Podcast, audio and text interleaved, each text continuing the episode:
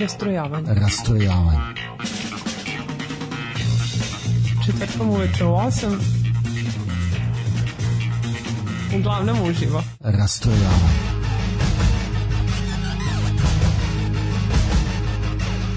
U 8 sati. Rastrojavanje.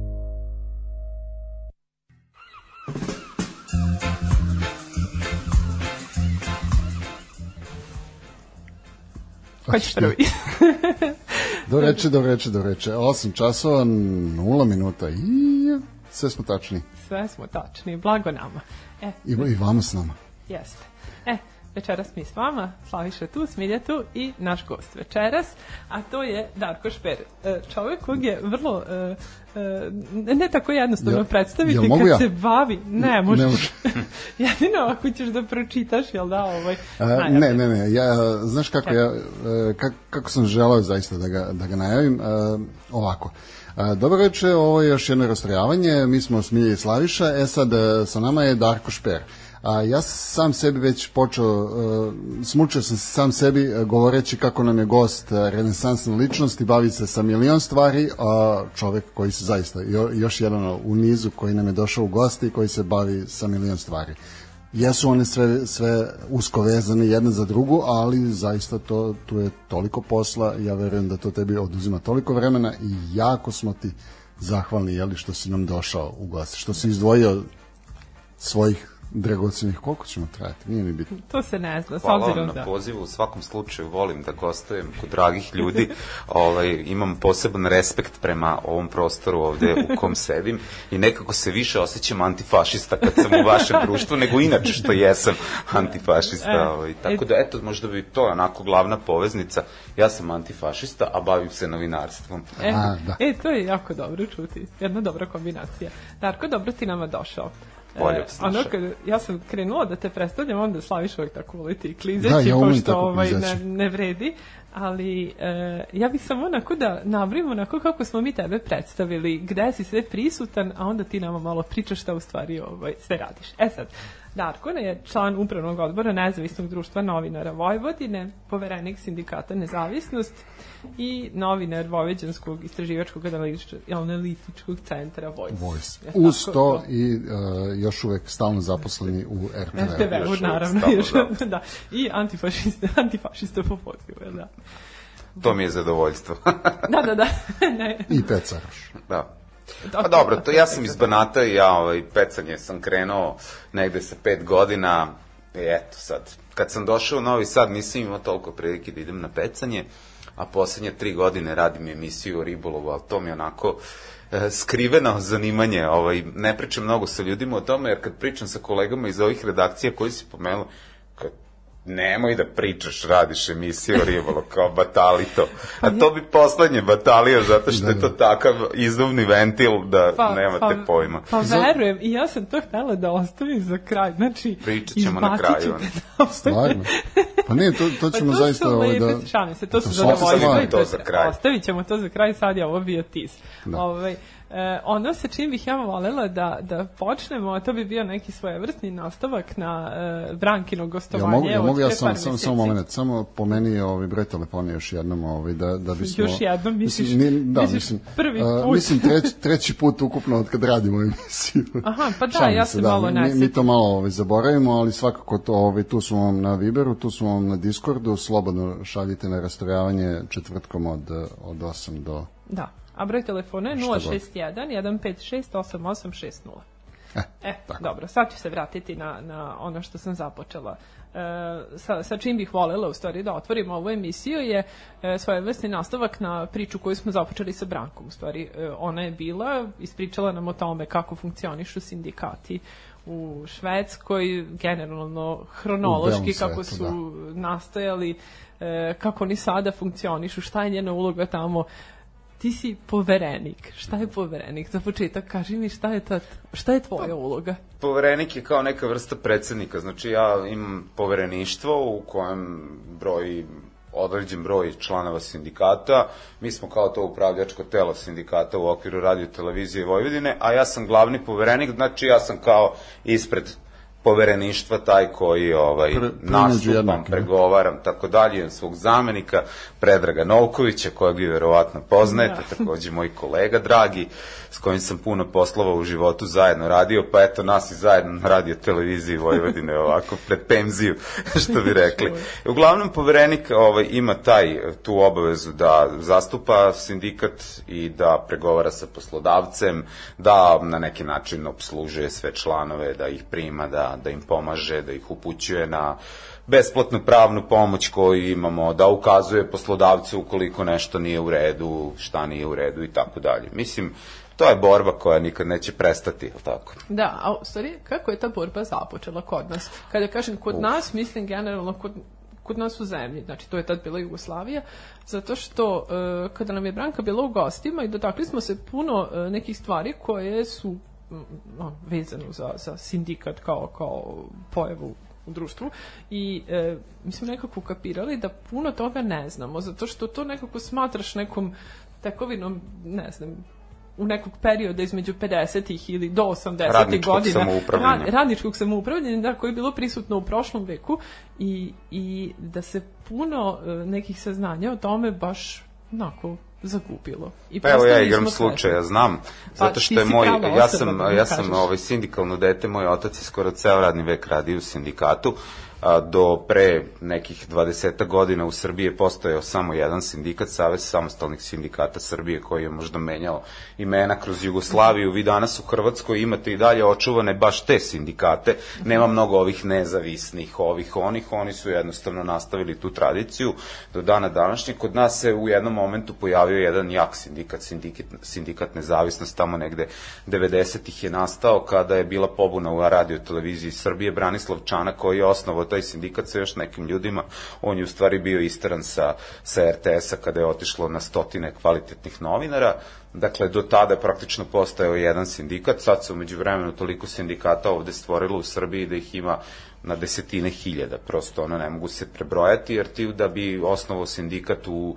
ovoj Srbiji danas dovoljno da ga registruješ u, u svojoj radnoj organizaciji, dakle ne trebaš da imaš krovnu organizaciju, sam za sebe si dovoljan, imaš samo sindikalnu organizaciju u firmi u kojoj si i možeš da funkcionišeš s tim da nemaš pravo posle da pregovaraš tamo ništa u, ni sa ministarstvima, ni sa sekretarijatima u pokrajini, jer nemaš tu vrstu reprezentativnosti, ali možeš u radnoj organizaciji gde jesi. A na čemu se zasniva? Mislim, bitno je udruživati se, je li tako? Pa tako je, s tim da mi sad ovaj, malo smo debatovali u poslednje vreme i negde smo mišljenja da sindikati poput ovih koje sam pomenuo u stvari nisu dobro ustrojeni iz prostog razloga što su centralizovani.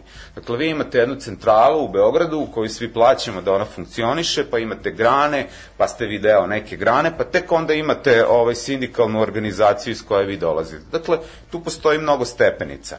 Ovaj, po meni bi mnogo bolji sistem bio neki konfederalni sistem da se sindikati udružuju slobodno. Dakle, ako ti imaš neki sindikat koji je meni simpatičan i tebi moj, hajmo da se udružimo, da napravimo neku zajedničku priču, ne plaćam ja tebi ništa, ne plaćaš ti meni ništa, ali lepo je i tebi i meni. Mislim, to je Da. po meni negde idealna stvar. So, pogotovo s obzirom na to kako mi imamo tu nesretnu priču sa sindikatima u ovoj zemlji, gde, mm, evo, najbanalniji primer, kada dođe prvi maj poslednje dve godine, ni nemamo protest, a unazad godinama sve je manje i manje ljudi, na kraju više tu, na tom trgu Nikole Pašića, koji inače pusto ovaj 1. maja, ne bi se niko ovaj, skupljao. Da nije ove korone.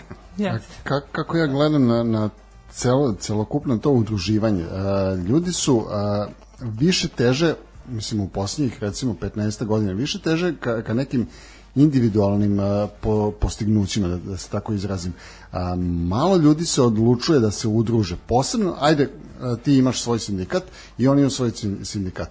I vi hoćete da se mržujete, da budete jedni, jedni sa drugima, sve, sve to zajedno, ali a, tu negde, a, bar, bar kako ja gledam sa strane, isplivavaju neke, neki ljudski a, nekvaliteti, ne, neke osobine ljudi da ne, zaš, zašto bi ti meni govorio nešto kako ću ja da se ponašam ili zašto, zašto, ja, zašto ti meni namećeš svoj stav i mislim da je zapravo to glavni problem zašto, zašto nema tog a, mislim više ljudi na ulicama 1. maja ili ne znam Pa sa ljudima je najteže raditi, to, to vrlo dobro znate da, i ljude je najteže na kraju krajeva zašto bi bilo koga u bilo šta ubeđivao, ali mislim, pričati im, objašnjavati im zašto nešto bi trebalo da se uradi, jako je to teško.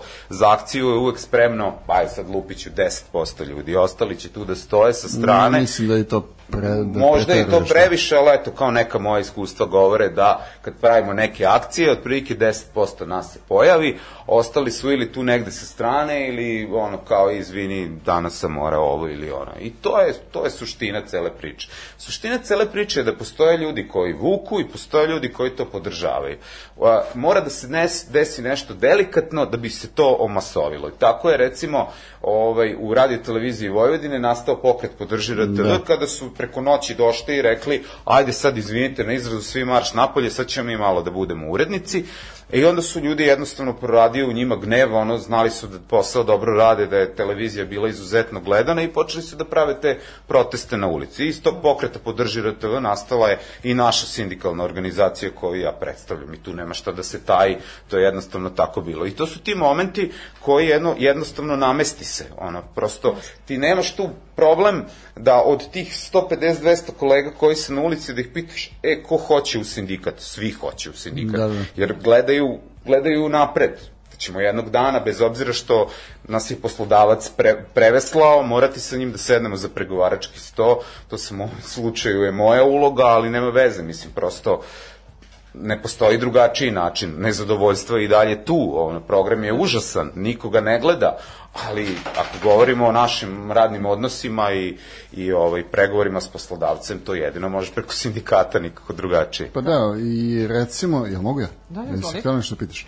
A, o, mislim, kako, kako naši ljudi gledaju zapravo na sindikat? To, to gledaš na pola svinje za, za zimnicu i za, recimo, obezbeđeno letovanje preko leta i to je to. Mislim, to je ono što, na, na što smo navikli, recimo, od sindikata tamo 80-ih, 70-ih godina prošlog veka, nešto što nam je duboko uvreženo u, u sistemu, u mišljenje i Ja mislim da bi zapravo, mislim, sad ko sam ja da se pitam, ali uh, mislim da bi zapravo uh, kada bi ujedinjeni u te neke sindikate, da bi ljudi mnogo bolje prolazili. Mislim, to, to svakako ne, nisam otkrio jeli, rupu na saksiji, ali uh, ono što, što hoću da kažem da uh, to nekako ugraditi u, u svest naroda, to bi bilo to bi bio neki uspeh.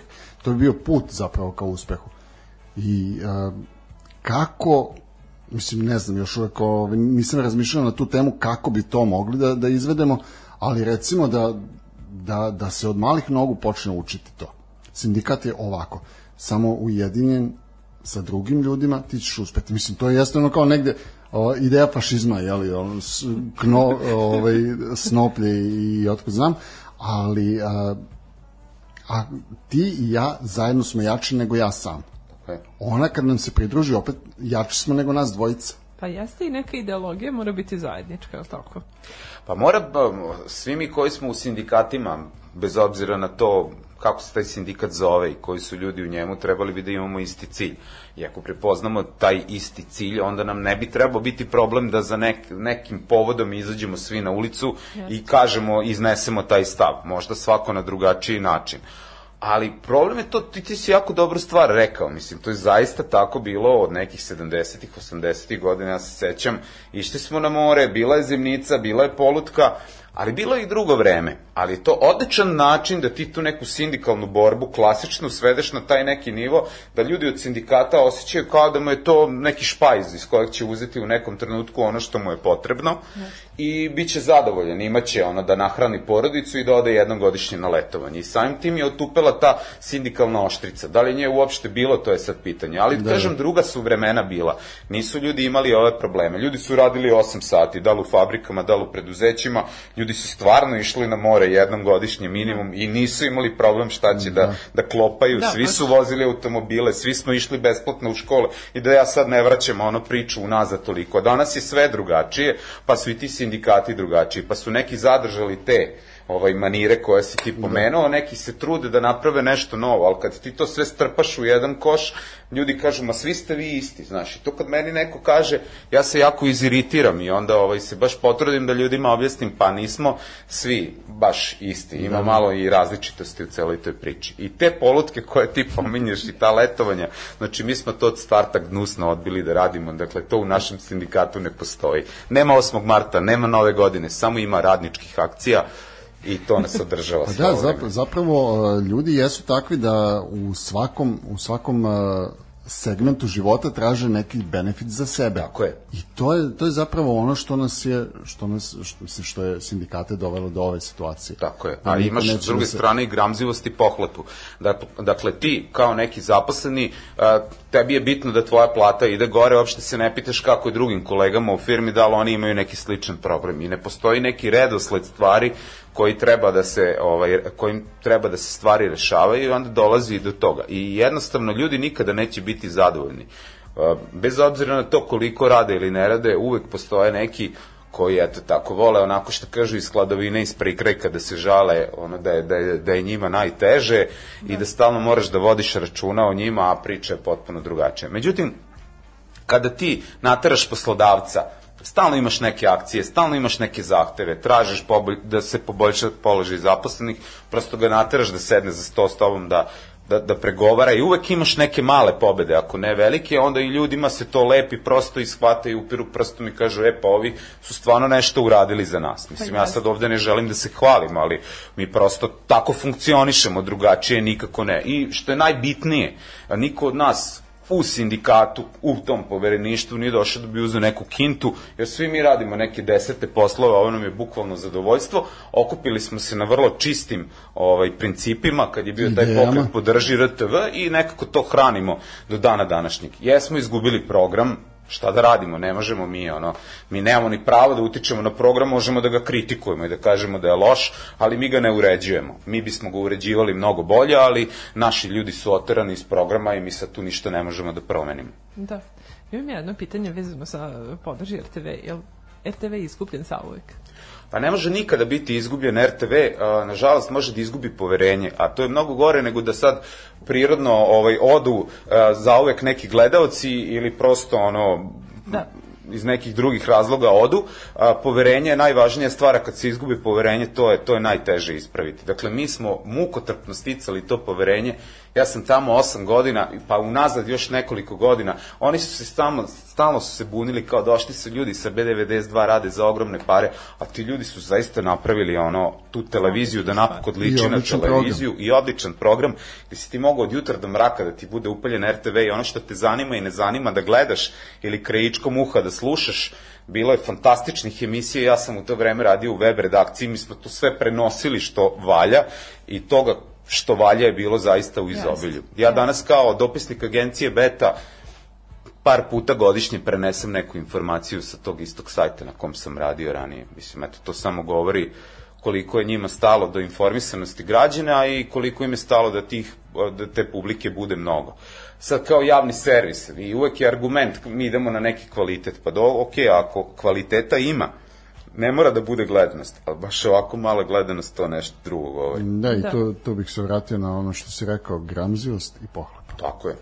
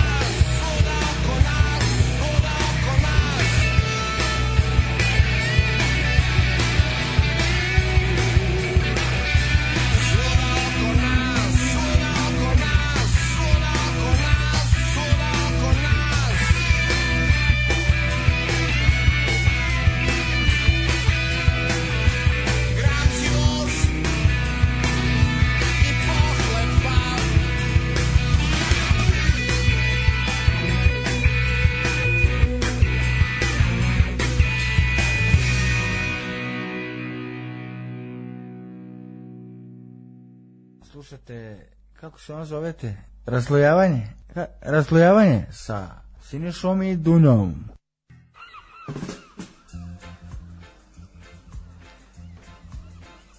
Dobro. Gukni. Da, čekam, ne, nešto sam se tako zamislila. U stvari sam ostala još u onom da, da smo pričali na osnovu čega se ljudi udružuju i zašto su bitne te neke male pobede.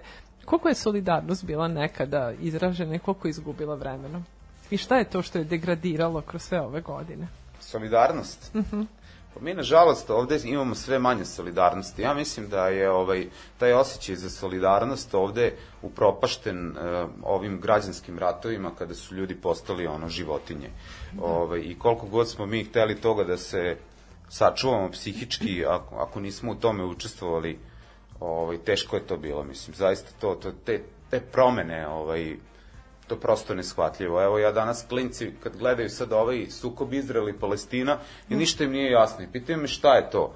I da. kako da im objasnim, mislim, ono, a tako smo se mi, kad su, kao klinci susretali sa tim stvarima koje su trajale skoro deceniju i gde si dobio i potpuno drugačiji ono, izgled države posle i potpuno neke nove ljude kao komšije, Yes. Sve to uticalo na to da se da se mi nekako povučemo u sebe, da gledamo samo sebe, jer nismo imali, jer smo imali prazne frižidere, znači nisi više razmišljao o tim, ovaj, kako o Iraku, Iranu, Izraelu, Palestini, pa, svašta da. nešto, da. Da, a bilo je jako interesantno, sad izvini kada si spomenuo baš tu situaciju, e, najdem danas na neki članak sa Jugo papira, rock koncert za Palestinu 82. Pa da. I, i samo, samo je to onako nešto ide kroz vreme. Pa da, pa to, to, to nikad neće prestati. Ovaj. Samo je pitanje vremena kad će to da se desi.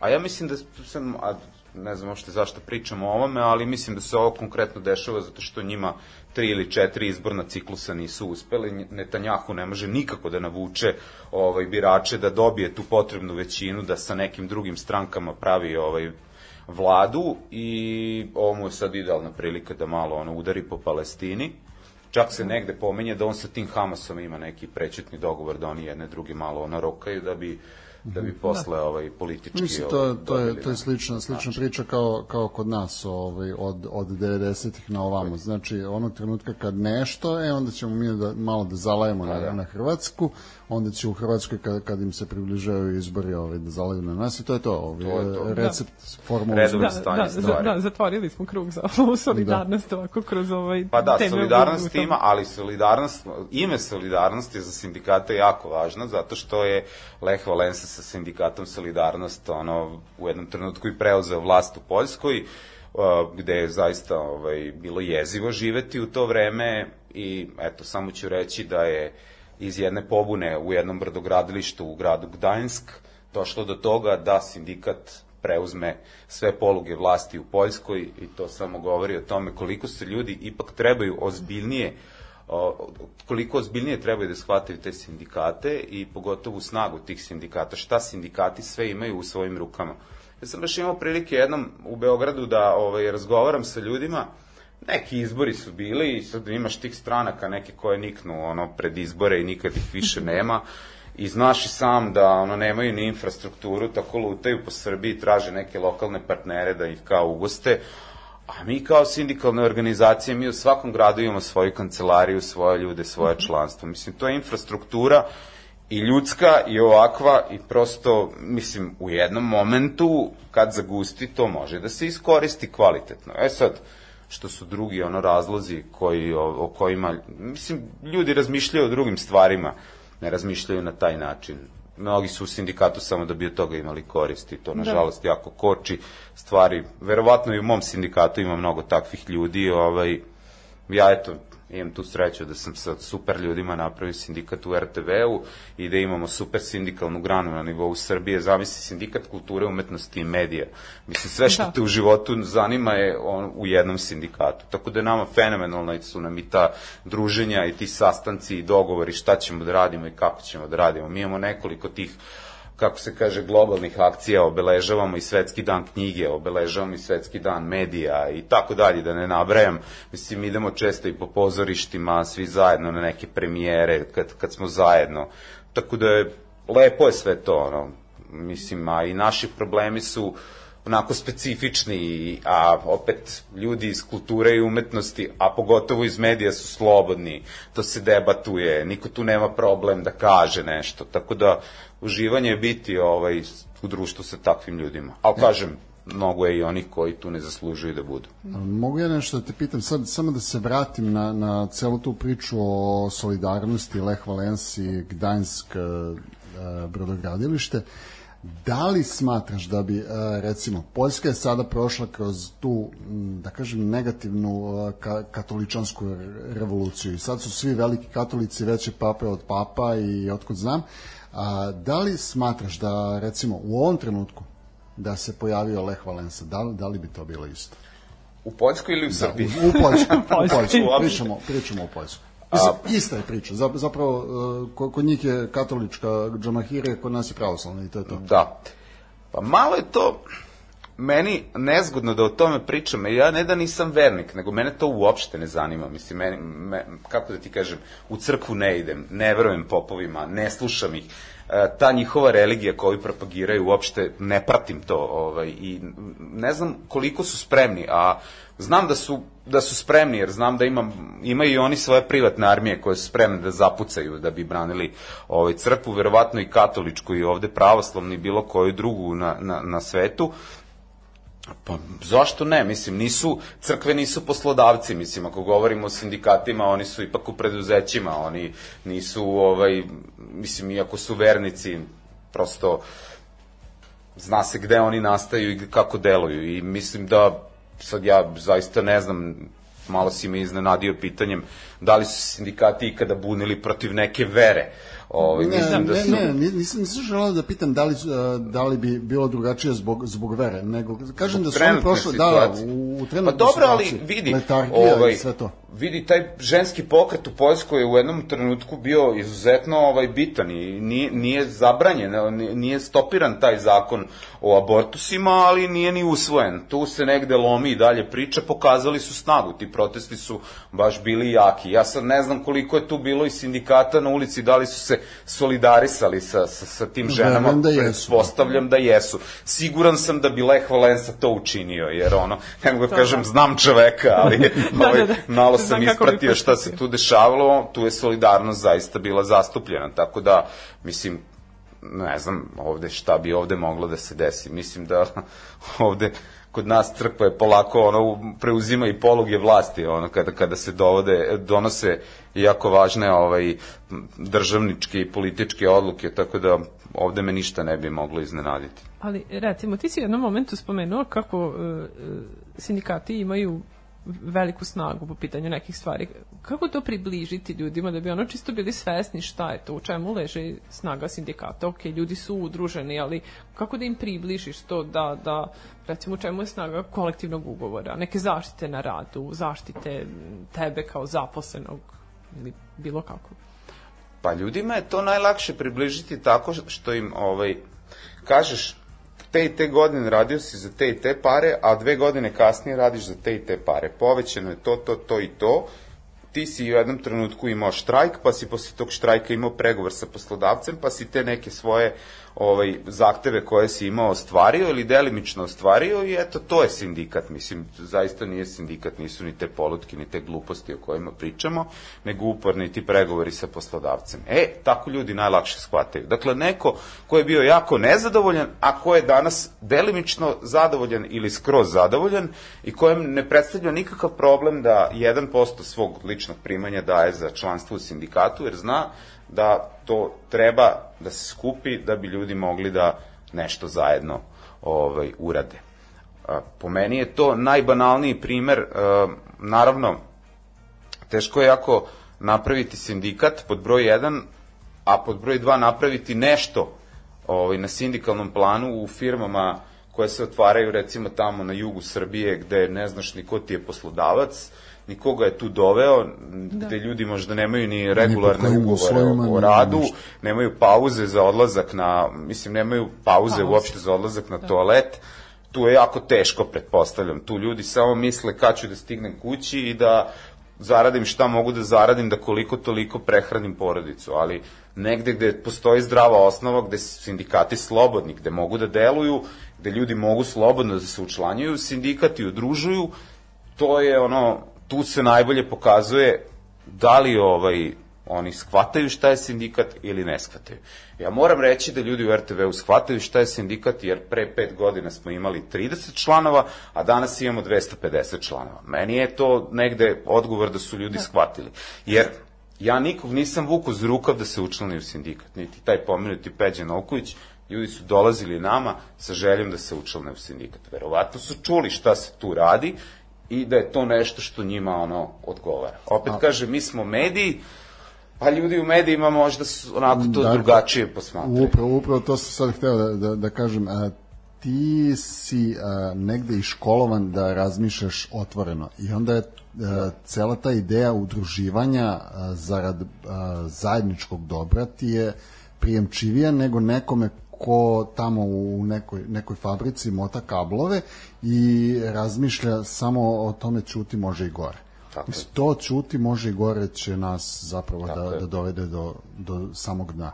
Mi smo imali par situacija blizu. zanimljivih kad to tako kao to što si upravo rekao, kao može i gore, ima i ljudi koji, ono, kojima je gore nego nama, i onda jednostavno staneš pred kolegu i kažeš mu, gde si bio juče preključe, šta si radio, izveštavo si iz neke fabrike o teškom položaju zaposlenih u toj fabrici.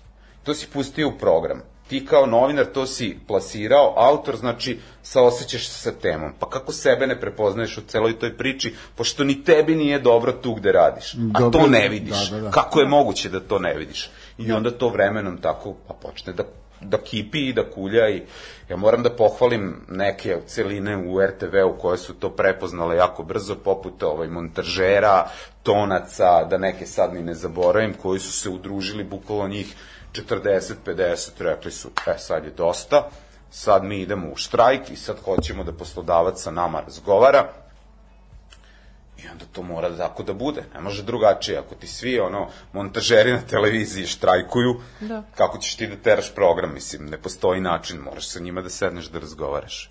Se nešto promenilo se sad, sad nevezano kao infrastrukturno, ali ova nova zgrada, prelazak tamo, navodno rashodovanje opreme, iz ovog starog radija, slično.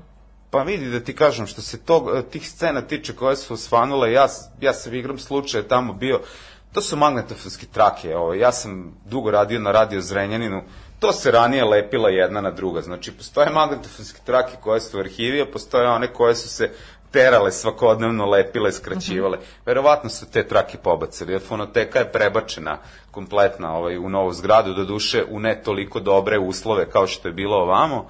Ovaj, I ono što je interesantno, u novoj zgradi se nalazi samo radio i neka, neki delovi televizije. Mi koji smo na televiziji dalje smo i ostaćemo sigurno do kraja godine, zato što tamo samo jedan studio veliki urađen do kraja, a još dva ili tri manja studija nisu uopšte ono, opremljena. Tako da dnevni program informativni mora da se tera iz ove stare nisove zgrade u centru grada. A nekom to i odgovara, znaš kako tu je blizu Da, da. Blizu su prodavnice i ostalo. da, da, sve te. Tamo na Tatarskom brdu baš ono nije.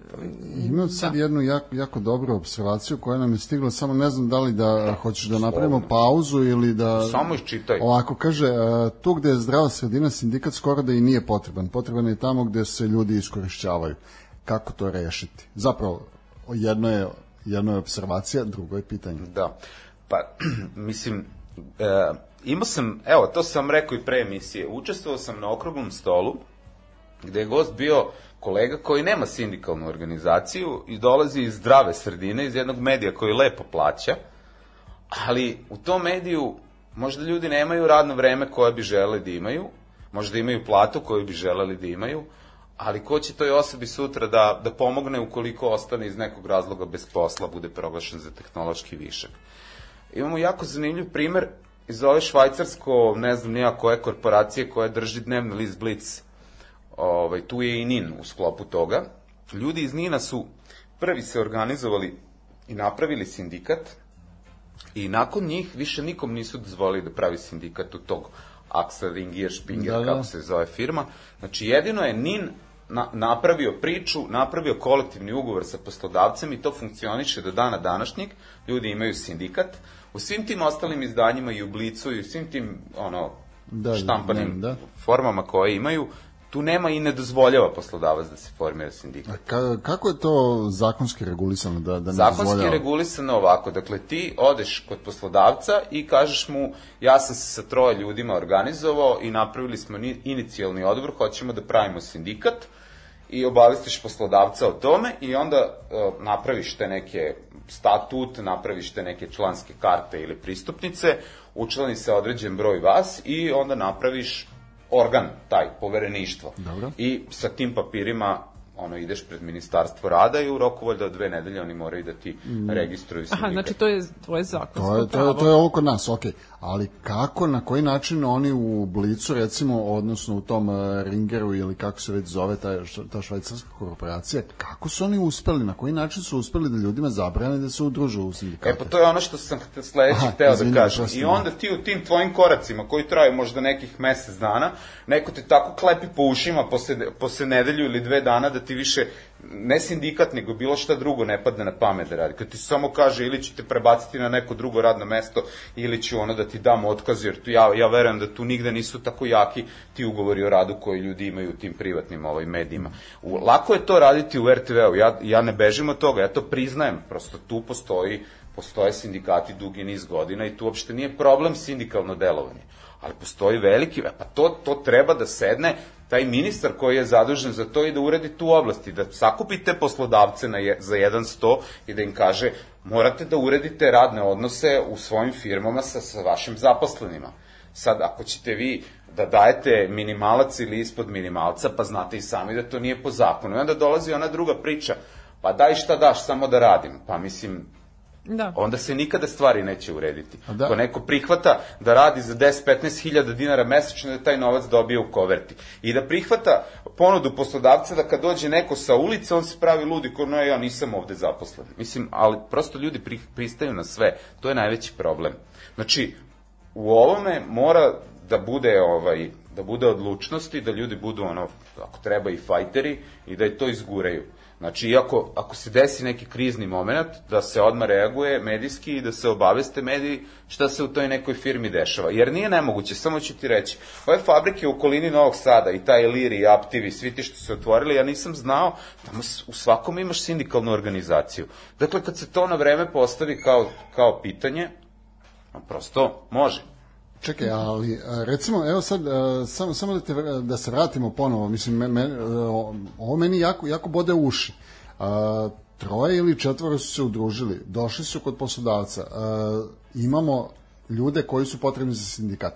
Zašto oni pre nego što, jeli, što dođu sa troje ljudi iza sebe, zašto ne, ne vide sa svim ljudima Znači, sa, sa, sa ljudima iz štamparije, sa, sa, ne znam, montažerima, sa toncima, ono što si ti pričao za, da. za RTV, zašto jednostavno svi odjednom ne dođu? Ovo su naši uslovi, mi ćemo raditi pod ovim uslovima. Za, da li misliš da, da će Blic sutra da prestane da izlazi ako ljudi odjednom se dignu? Mi, mi nećemo da radimo pod ovim uslovima. Da li bi to bilo izvodljivo? Pa naravno da je izvodljivo i da bi to uspelo, samo Šta je, šta je to što ljude sprečava? strah, strah i za egzistencijom. Čuti bolje, bolje dok ne tuku, jel? Pa to ti je to. Kao one stare priče. Kad dolaze po ljude, pa ne dolaze po tebe, pa na kraju dođu i po tebe. Mislim, prosto, ovaj, ne može to samo od sebe. Ne postoji, nije nigde, jeste da piše u zakonu, ali mora taj sindikat i da se napravi. Imao sam jednu situaciju, došao mi je čovek iz nekog novosadskog medija, neću sad da otkrivam ko je, kao hoće da napravi ovaj naš isti sindikat. Rekao, nema problema, sve ću da ti pomognem šta treba. E, ali kao imam, kad sam ja razglasio u firmi da pravim sindikat, odmah me je zvao poslodavac da mi ponudi bolje radne mesto, ali da ne pravim sindikat. I nikad mi se više nije javio. Aha.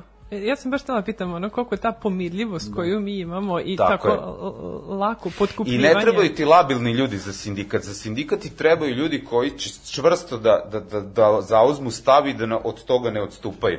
Ne kažem da smo mi svi cvečke, imamo i mi svojih slabosti, imamo ljudi koji nisu spremni da ovo izguraju, ali smo birali ljude koji će biti u povereništvu i lojalni su, što se kaže. Ovaj. I ne smeš da odstupaš od tih svojih principa. Dakle, moraš da staviš ljudima do znanja da si ti taj, da ti želiš, ali da ne želiš da se menjaš, ni na bolje, ni na gore. Dakle, to je poenta cele priče. Dakle, ako sam juče imao 20.000 platu, ako sutra imam 40.000 platu, to nešto nije u redu. Ljudi će me odmah zamrziti, videti da se tu nešto dešava sumnjivo. Da. Ili ako ja sutra kažem, e, nećemo da pravimo onaj štrajk, nije trenutak, i to će da bude sumnjivo. Dakle, a, na kraj krajeva, onaj ko reši da pravi sindikat, taj mora jako dobro da zna šta je sindikat, koja su i prava sindikata i tebe kao poverenika. Dakle, svakog poverenika štiti zakon o radu. Dakle, dok je poverenik, ne može da dobije otkaz u firmi i ako dobije otkaz, svaki sudski spor će dobiti jedan kroz jedan. I tri godine po prestanku mandata takođe ne može poslodavac da te tera na lošije radno mesto, osim ako ti ne prihvatiš. I to je prosto tako. I štitite zakon. I zato ti trebaš da pokažeš primer drugima, jer drugi to ne smeju da rade. Ali si ti taj koji to treba da radiš. I ako ti to ne radiš, pa kako će onda sindikat da, da, da, da ima neke rezultate? Vrlo je to, ovaj, vrlo je to jednostavno, ali treba to i u praksi pokazati. Pa da, mislim, jednostavno je ovako kad ti nama objasniš Pa da. i jednostavno je kad, kad ljudi shvataju to.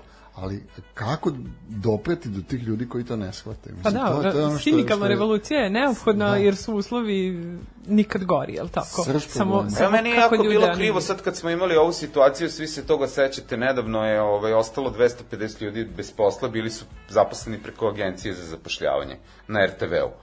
I ovaj, ljudi, mislim, nisu se obratili sindikatu jer ni, nisu mogli da se sindikalno organizuju, prosto oni su radili za drugog poslodavca, a u RTV-u.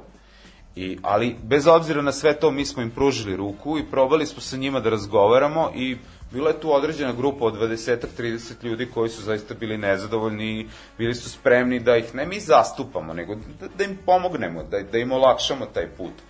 Ali džaba, od 250 ljudi, 30 ljudi je ono bilo spremno da, da se upusti u borbu.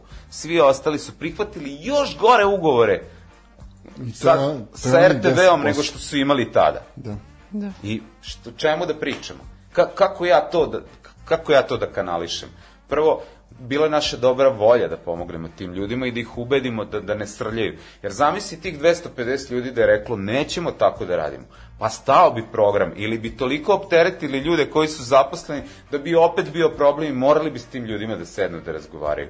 Pa animiralo bi se onda i neko viši od poslodavca kad bi shvatio da tu Jasno. nešto nije u redu. Ali ako se, to, ako se to tako ne dešava jedno za drugim, ako tu ima nekih propusta, to ne može da uspe. Ili će rezultat biti jako loš. Da, I tako. sad isti ti ljudi koji su prihvatili da rade pod lošim ugovorima, e, kad će nama biti bolje? Prihvatio si sam ta kritična masa. Pa ni, ne kažem ja to, ali neće skoro. Pa da, da, neće da. skoro, jer neki su imali koristi od cele te priče, mnogi nisu, a su prihvatili ono, znaš, štap šargarepa i šta da se radi? Muzika.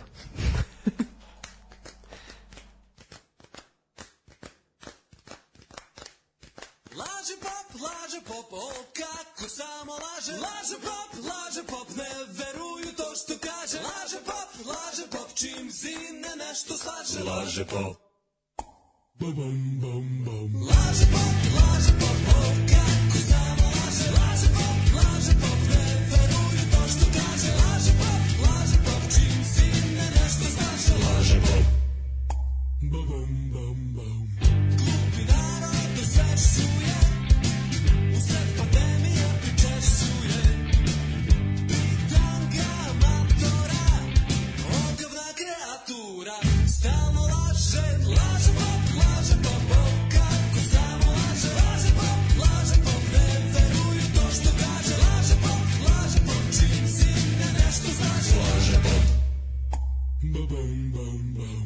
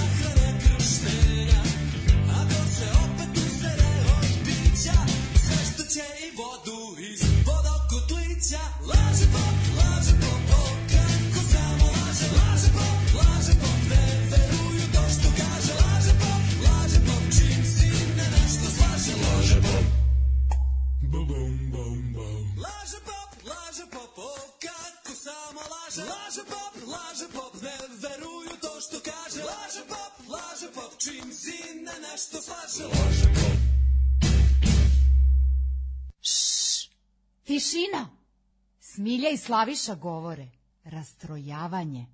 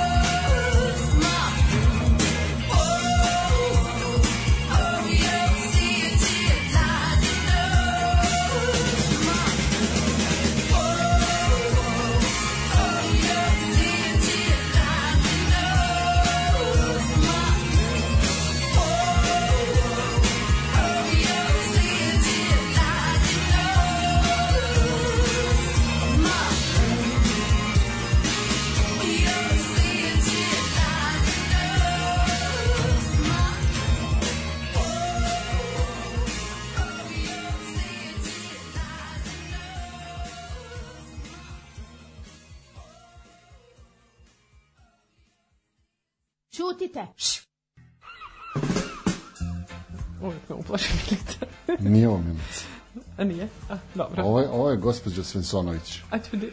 Ju, ja se izvinjavam, Branki. Neka, ovaj, e, e, ja bih da se, da, ja bih ovaj, da se nastavimo sad na ovu priču kada si spomenuo sindikate u medijima. Koliko ste povezani sa drugim sindikatima? u medijima. Medijima, drugih zemalja, Pa, vidi kako god. Drugih zemalja. Da li ima nekih u našoj zemlji, da li ima nekih koji u su zemlji imamo, okruženju, ovaj, u našoj neposredno? sindikalnoj organizaciji imamo iz nekoliko medija pomenuću radio televiziju Srbije, naš RTV, Mađar SO i mislim eto taj NIN koji sam pomenuo, Mhm. oni su naši. ovaj, ali nije, nisu sindikati toliko zastupljeni u medijima, na veliku žalost. Ovaj. Mhm. to, ali, znaš kako to, to ljudi tako doživljavaju kao krivce ta novinarska udruženja. Nemaju novinarska udruženja ništa sa sindikalnim organizovanjem. Time trebaju da se bave sindikati.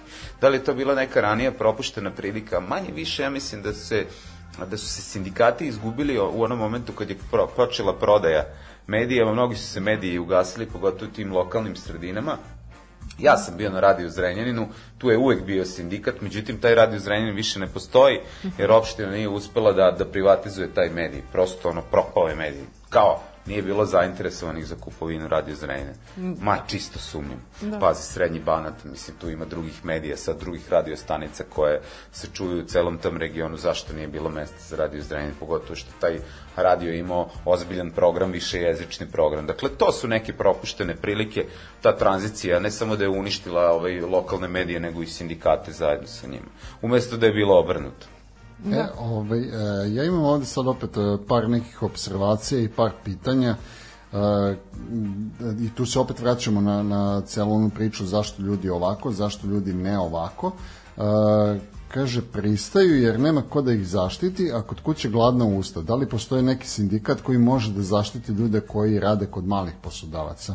Kako je to zakonski re- regulisano, tipa da li se učlanili ljudi iz raznih, iz malih pekara, prodavnica, Da, to ima, po delatnostima su podeljeni granski sindikati i grana koji pripada ta delatnost na konkretno šta se odnosi, dakle svako može se učlani u sindikat i da nema sindikalnu organizaciju u firmi u kojoj radi. Da, da, da nema... Jel postoji ti neki... krovna? Pa, postoje i u nekim delatnostima granski kolektivni ugovori, postoji u kulturi, postoji u komunalnim preduzećima, sad ne znam tačno gde sve postoji granski kolektivni ugovor, postoji u, i u sektoru energetike, pogotovo ovo za, za deo koji se bavi distribucijom struje. Tako da ima ti granskih kolektivnih ugovora, dakle, ako si sad lupam neka uh, samostalna zanatska radnja ili slično gde si zaposlen kao električar, ne moraš da praviš sindikalnu organizaciju, dovoljno je da se obratiš sindikatu energetike i da postaneš njihov član i da oni samim tim tebe štite. A šta ta krovna organizacija može da uradi po pitanju nepoštovanja prava radnika?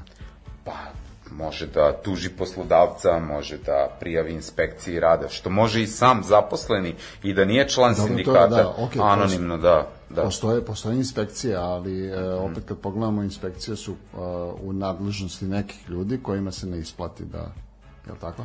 Pa dobro, znaš šta, ako tako gledamo grubo, pesimistički, onda ne bi trebali nikom da se obraćamo za pomoć. Ne, ne, gledam, ne, ne, ne, ne gledam ja pesimistički, nego jednostavno gledam, sagledavam stvari sa realnog gledišta. Pa, u pravu jesi ti. E, Ja sam prijavio inspekciji rada Kako ga volim ovako kad, kad da neki ljudi Joda. da neki ljudi rade ovaj u RTV-u na crno da su angažovani bez u, ugovora o radu. I došla inspekcija rada i utvrdila da je sve u redu. I ja sam se žalio više instanci, više instanca je naložila nadzor, nadzor je pokazao da jesu ljudi radili na crno i taj koji ih je angažovao na crno platio je 150-200 hiljada dinara kaznu. Da, ali Misliš da mu je bilo prijavno? njemu je opet ostalo novaca. u Pa, pa sad, mislim, kad bi ga svako tako malo prijavljivao, verovatno mu ne bi bilo prijatno koliko god da je uzeo para u džep.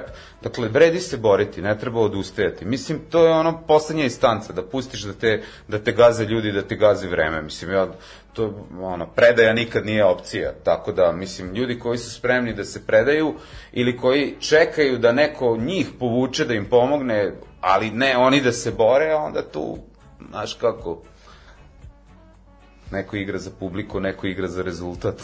Da. A kako bi prokomentarisao ovu borbu freelancera? Oni su se udružili, je li tako, zbog... Oni su se jako lepo udružili i to mi je jako lepo izgledalo do nekog trenutka i a, kada se mrcvare ti pregovori, a to je očigledno bila taktika vlade Srbije da se mrcvari, jer su među vremenu verovatno uključile i službe i neke druge ove, institucije koje nisu učestvovale u pregovorima. E, tu se svašta radi, to su prljave stvari, znaš. I onda, ovaj, tu je pitanje ljudske psihe, jako bitno. I vraćamo se na ono, znači na samom početku trebate da odredite ljude koji će da vode priču. I ti ljudi trebaju da budu najjači, da imaju najjače karakteristike, da su najlojalniji celoj toj grupi. da su nepotkupljivi, da nemaju, a, Sve ne- neki dirty Tako je, background, da. Tako je. I nikada nećeš naći idealno, ali ćeš se potruditi da od svih tih ljudi na ono, napraviš da bude najjače moguće. Kao kad praviš reprezentaciju neku sportsku u bilo kom sportu, mislim, prosto biraš najbolje.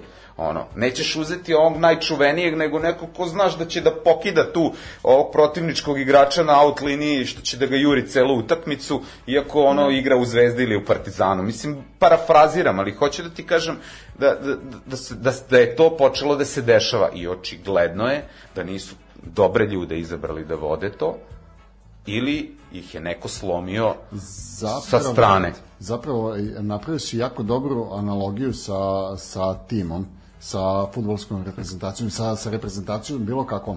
A, reprezentacija, odnosno Unija, nije a, skup pojedinaca jakih, nego ljudi koji umeju jedni sa drugima za, zaradi istog Tako je. Tako je. I to, to se odlično ovaj, napravio. Tako da. da. mislim, i ja ovako vas, kad gledam sa strane, vidim koliko, koliko vi uspevate. Mislim, gledam tebe, koliko se trudiš u celoj toj priči i koliko zapravo negde odskačeš od, od proseka sindikalca u Srbiji. Pa hvala ti na ovim komplimentima, ovaj, stvarno, ali ja sebe ne doživljavam tako, ali nema veze, ok, ljudi trebaju da imaju svoje mišljenje. Ali da se vratimo na ovo smiljeno pitanje, dakle, ovde je bilo od krucijalnog značaja. Ljudi su trebali da znaju šta ih čeka. Oni su ušli u fajt sa vladom Srbije. Oni su sedeli sa predsednicom vlade više puta ovako, jedan na jedan, odnosno da. sa ekipom okolo. Dakle, to je ono, ja ne, ne sad kažem Ana Brnabić je vrh, ali to je vrh ove državne vlasti, koliko god ovde predsednik to zloupotrebljavao. Da.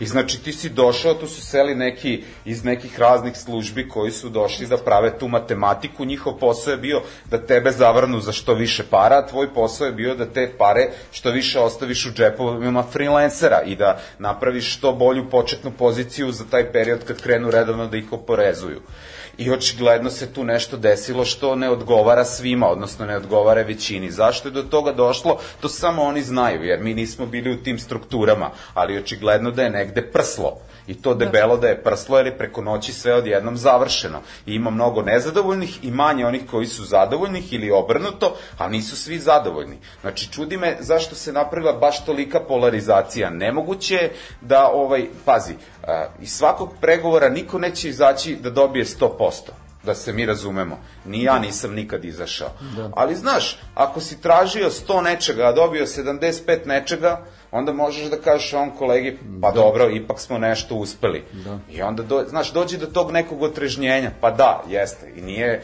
realno očekivati da ćemo, ono, pobediti baš sa nulom, što se kaže.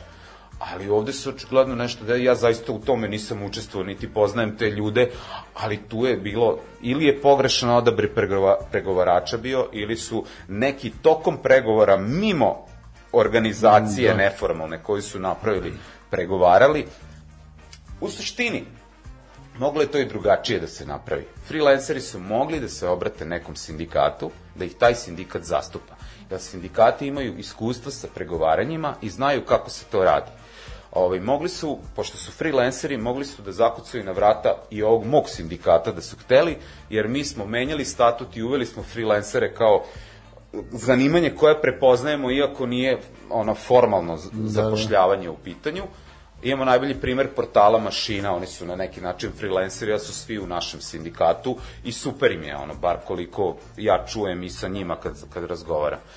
I onda bi, znaš, legitimisali bi neki ljude koji su iskusni, ono, što kažu, stari lisci, i kojima se takve stvari, jer znaju, bili su, znaju i te s kim pregovaraju i znaju tu, tu vrstu manipulacije to je neiskorištena prilika, očigledno, da li će im se ukazati nova, to je sad teško reći, ali se plašim da je ipak izgubljena prilika. Otišao voz.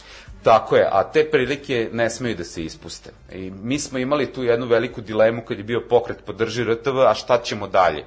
I onda sam im ja rekao, ljudi, ja znam šta ćemo dalje, znam da nam je sad super da smo na ulicama, da ima puno građana koji nas podržavaju, da imamo te šetnje, da je objavljuju mediji o nama, ali to će da stane u jednom trenutku, kako god okreneš, dolazi i leto i napravili smo sindikat. I tu smo, radimo, funkcionišemo. Dakle, to organizovanje ne sme biti ad hoc, to mora biti na duže staze. Znači, ok, završit ćeš pregovore s vladom Srbijom, a nećeš prestati da budeš freelancer. Treba će ti neka krovna organizacija ili neka pravna pomoć ili ova pomoć da nastaviš tu borbu sa, sa državom. Jer otku znaš, možda za godinu dana reše, pardon, da, da pooštre tu poresku politiku. Oni svaki dan mogu u Skupštini da nešto menjaju i imaju komotnu većinu. Ali sad si ti rekao jednu jako bitnu stvar, a to je taj deo da pro- podržavate freelancere. Znači da postoji mogućnost da neko, ako se nađe u nekom problemu, obrati se vašem sindikatu, je li tako? Tako je, zato što ovaj, a, nije sve u toj članarini i nije sve u tome da li ti imaš ugovor o radu ili nemaš ugovor o radu. Slažem se. Ti na kraju krajeva sam sebi možeš da uplaćuješ staž i te neke ostale prinadležnosti i niko ti ne brani da budeš član nekog sindikata ako ni zbog čega drugog, da imaš besplatnu pravnu pomoć ili da imaš pomoć u nek, neko oko vođenja računa i sad ja banalizujem stvari. Dakle, svi ti sindikati koji su iole ozbiljniji imaju svoje službe, imaju službenike koji su zaposleni. Jedni su pravnici, drugi su ekonomisti, treći su ne znam ni ja šta, daktilografi, nije bitno. Imaš i ove ljude koji su za međunarodne odnose, koji odlično govore engleski jezik i znaju ljude u inostranstvu, u međunarodnoj organizaciji rada. Nije to lokalna stvar, to je globalna stvar i prosto samo je pitanje umrežavanja. I vraćamo se na sam početak, dakle, samo interes treba da nas spaja i to može samo da raste kao, kao testo.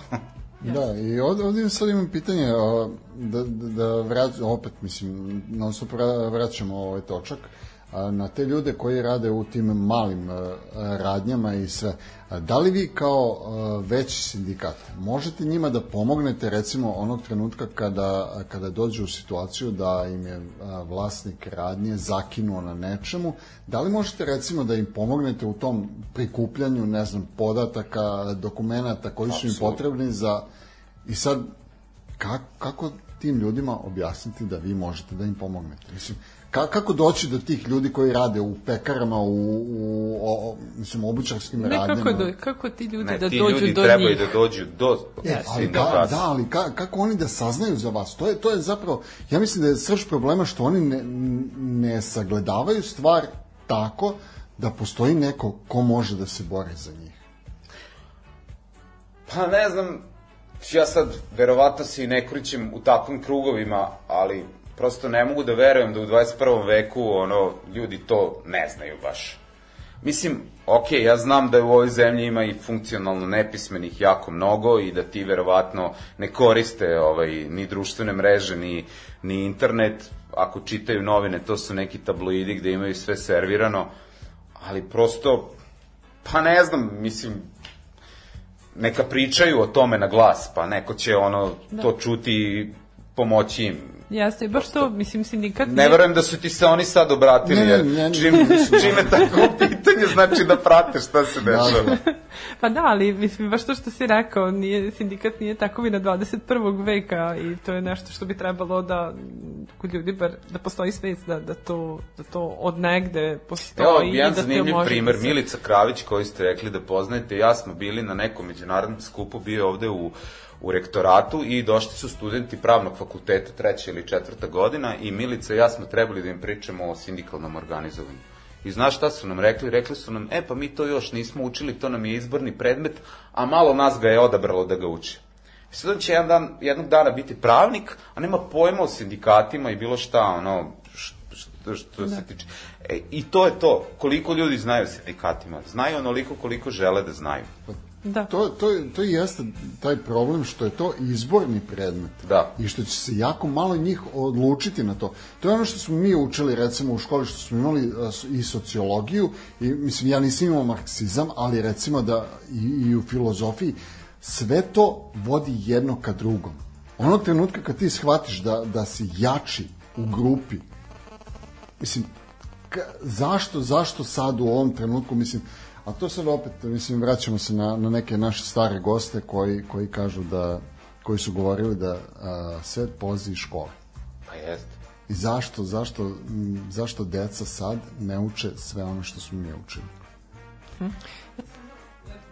Čekaj. Pa kod nas u Srbiji je očigledno ona kojina pesma kao mantra napred, nazad, gore, dole, ja sam opet ispred škole i to se nama konstantno dešava ovde, nikako da, da pređemo na next level, mi se stalno vraćamo na početak igrice, ovaj, otprilike u mnogim stvarima. Znači, misliš sad rešit ćeš pitanje Kosova, nećeš ga rešiti ko Palestinu, što si ti pitalo još 30-50 godina i tako dalje. A, Čekaj, pomeri. Zašto, ali ja se nešto ne čujem, nije važno. Uglavnom da, e, ono što je bilo pitanje jeste da li su očekivanja freelancera možda bila prevelika? Kada su im ustupci tako se pojavili. Pa ja ne znam Vrlo brzo. šta su oni želeli. E, nepošteno od strane države u svakom slučaju je bilo to što su hteli da ih oporezuju za toliko godina unazad, što ta pravila igre nisu ranije uspostavljene. Međutim, jedna druga situacija, ja sam pričao s nekim freelancerima iz medija. Što ću vam reći je 100% tako ne može niko da me demantuje čak i oni koji su novinari i ovo slušaju. Dakle, mnogi novinari rade kao dopisnici stranih medija. Ne znam sad, BBC, Deutsche Welle, radio Slobodna Evropa, njima je sedište u drugim zemljama. I oni dobijaju honorare, da li u devizama, da li u deviznoj protivrednosti, nije ni bitno. Uglavnom, oni, oni bivaju pitani na početku, kada prvi put naprave ugovor sa poslodavcem, da li ćete da mi plaćamo porez ili ćete da vam dajemo bruto iznos da vi plaćate taj porez u Srbiji. I pričao sam sa nekim ljudima, neki ljudi su rekli, nemojte ja da se petljam s porezima, dajte vi meni ono što meni pripada, a vi plaćate porez za mene. I do dana današnjeg to tako funkcioniše, ali mi je rekao da ogroman broj ljudi je uzelo bruto i nije sebi plaćalo taj porez koji je moralo da plaća.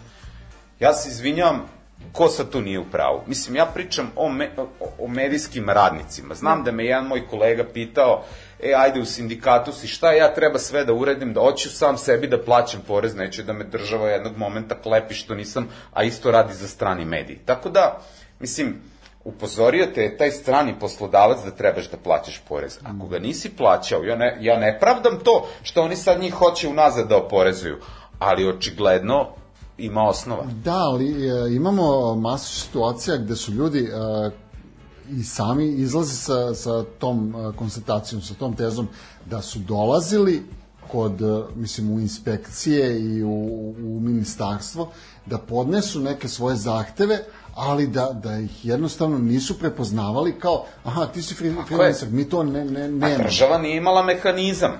Država nije imala mehanizam i zato ja kažem da je to nepošteno da te globi za toliko godina unazad, ako mu nisi slao, ko što za poreze za imovinu dobijaš uredno, ono, na početku godine četiri uplatnice, pa u četiri kvartala ili platiš odjednom.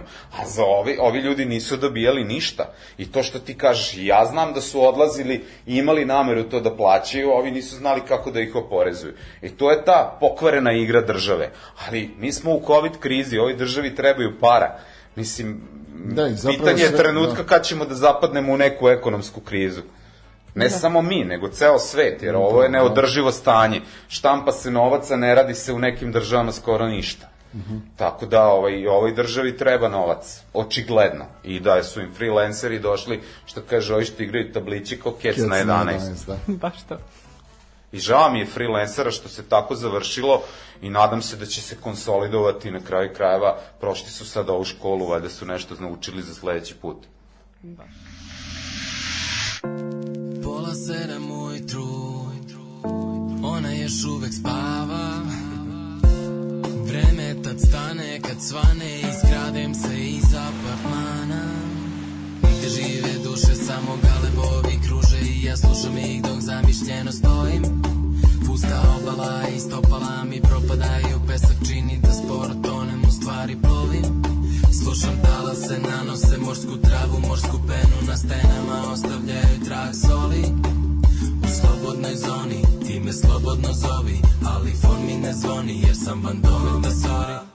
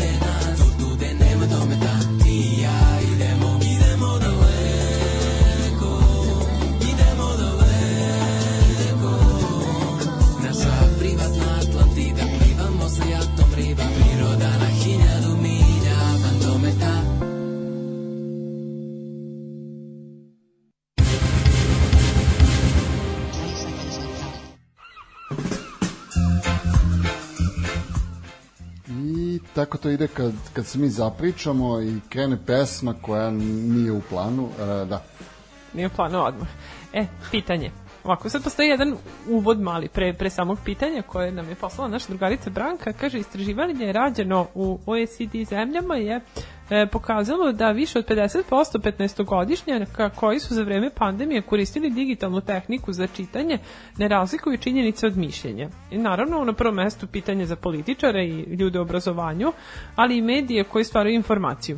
E, samo konkretno pitanje, znamo da je pisana reč jako važna kao i njena istinitost. Kako se radi na širenju znanja o medijskoj pismenosti, kritičkom mišljenju i fact-checkingu i koja je tu uloga sindikata?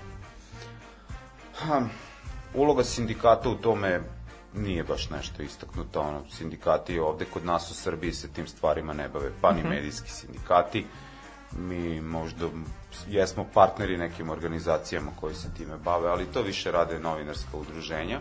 Konkretno Nezavisno društvo novinara Vojvodine, gde sam i ja dugogodišnji član, imamo vrlo često i te zoomove i te seminare baš na temu ovaj, medijske pismenosti i što se tiče fact checkinga, dakle, pogotovo tokom pandemije pojavila se ovde pandemija lažnih vesti, pogotovo kod nas i to Da. pod nekim posebnim uticajima, vrlo su jaki i ruski i kineski.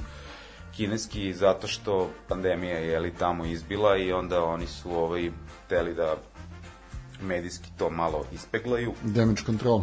Da, ne samo tamo u Kini, nego i, i ovde.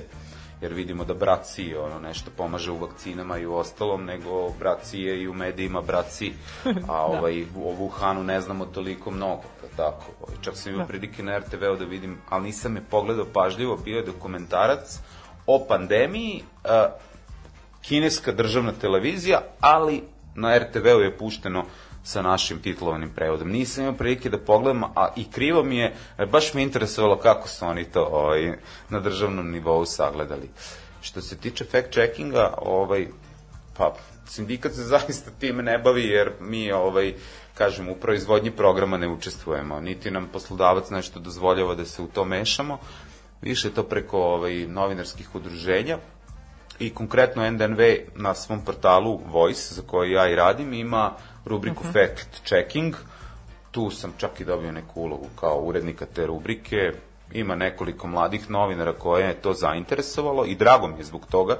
Dakle, ovaj, studenti žurnalistike i aktivni i, i svršeni, ovaj, ta tema ih vrlo zanima, jer negde u njihovo to vreme počela da, da, da se dešava ta pandemija tih lažnih vesti, pogotovo oko ovih antivaksera i antimigrantskih tih ovaj portala koji se koji niču kao pečurke u Srbiji, tako da imali smo čak jedan vrlo zanimljiv projekat gde su klinci sa fakulteta radili četiri meseca u timovima te fact checking priče o antimigrantskoj kampanji u Srbiji. Mogu da ti kažem da je projekat bio vrlo vrlo, vrlo ispraćen. Nažalost, mislim da nismo uspeli da okrenemo publiku na pravu stranu, jer taj antimigratski narativ u ovoj zemlji je toliko jak i toliko ono, a, ne možemo da se setimo šta je samo pre 20 i kusur godina bilo ovde, da smo možda i neki od nas bili izbeglice i ne shvatamo taj problem uopšte na pravi način i podlegli smo tom na, nacionalističkom pritisku, da ne kažem ovaj, profašističkim ovaj, tim metodama narodnih patrola i protestima koji su bili u nekim gradovima i tim premlaćivanjima, ali šta da radimo? Mislim, da. Prestati da se borimo nećemo, ali baš kada pričamo o toj antimigratskom narativu, jako ide teško, jer ono, ja se zaprepastim kad vidim da među mojim prijateljima imam ljude koji to podržavaju, na ovaj ili na onaj način. Jeste, Slično, isto. slično je kao i u ovoj varijanti, hoćeš da se vakcinišeš, nećeš. Ja stvarno ne znam, je- očigledno je najkrivlje razvoj društvenih mreža. Ranije, jednostavno, zovu te, trebaš da se vakcinišeš, šta nećeš vakcinu, pa prosto to nije bilo, to Da. nije bilo moguće. Nije opcija. Zna, sećate se. Da, u, o, mislim, sad, sad me malo podsjetilo na, na jedan mim koji sam video pre, pre nekog vremena, a, gde, gde je Juri Gagarin, koji a, na jednoj fotografiji je kao a, drži telefon i kaže da li ste već krenuli da naseljavate mesec. Sledeća fotografija, šta je ravno? Da, i to je, to je zapravo a, Pa da. problem a, da idiota je uvek bilo Da. idiota će uvek biti, ali nikada nisu bili ovoliko povezani. Nikada im ništa nije pružilo toliko priliku ja da, da da izađu to- na površinu, da ih se vidi. Ja mislim da je to zato što su idioti tada bili jako svesni da su idioti i da trebaju da se stide toga što su idioti. Pa, pa nisu to javno ovaj, ispoljavali. A mi koji nešto kao znamo ili smo primili, usvojili neka znanja, mi mislimo da se to podrazumeva. Ne, očigledno da se ne podrazumeva i da o tome treba govoriti svaki božiji dan. Kao što smo mi imali situaciju, sad banalizujem, na radio televiziji Vojvodine, uvodi se TV pretplata.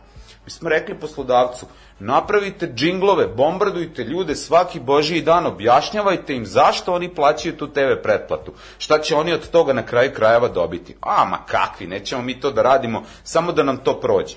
Naravno da, da, da niko nije prihvatio tu, jeste da je plaćaju. Isto tako i za ovo. Mislim, ta kampanja za vakcinaciju trebala je da krene još mnogo ranije dok vakcina nije ni, ni stigla na tržište. Šta sad, plaćamo ljudima 3000 dinara da bi se vakcinisali. Pa sad svaki sledeći put kad bude nešto, jeli, pod znacima navoda moralo, 3000 će biti manje, morat ćemo Jeste, da da. dignemo. Pa bez veze, totalno je bez veze, ono.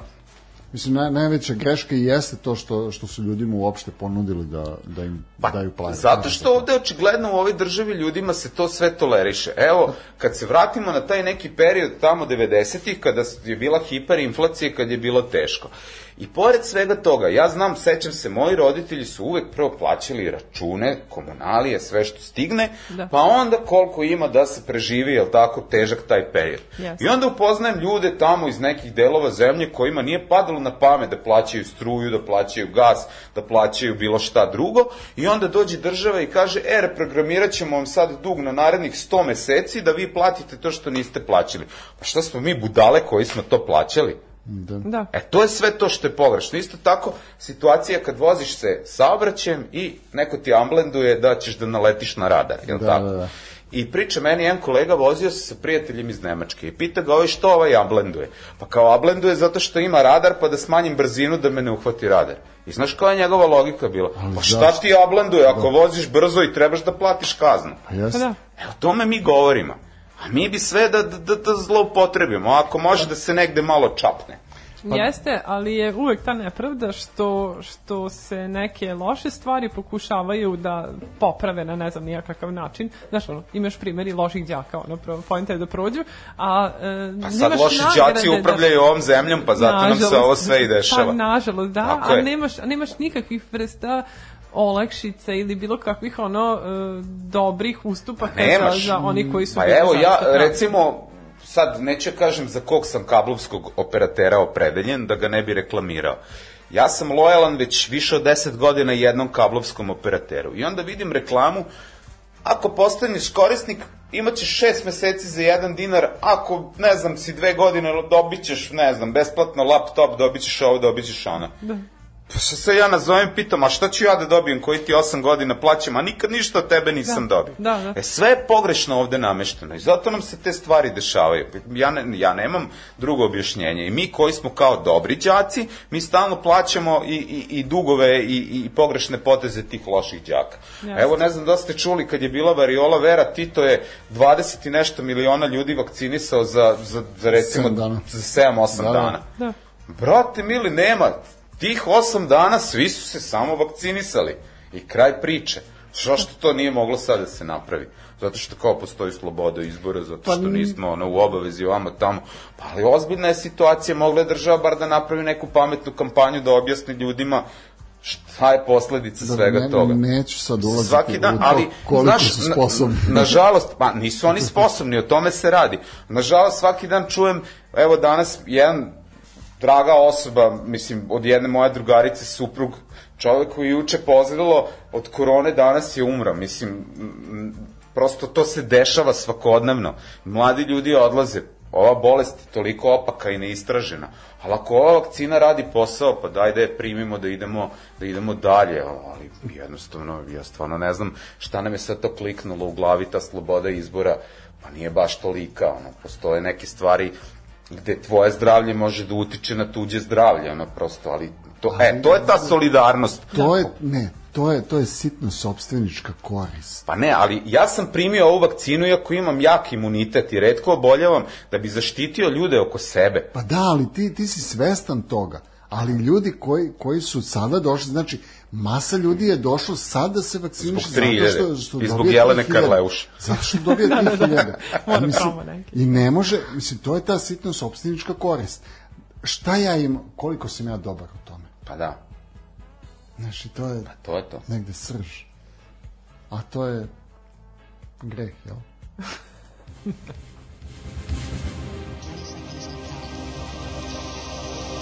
Thank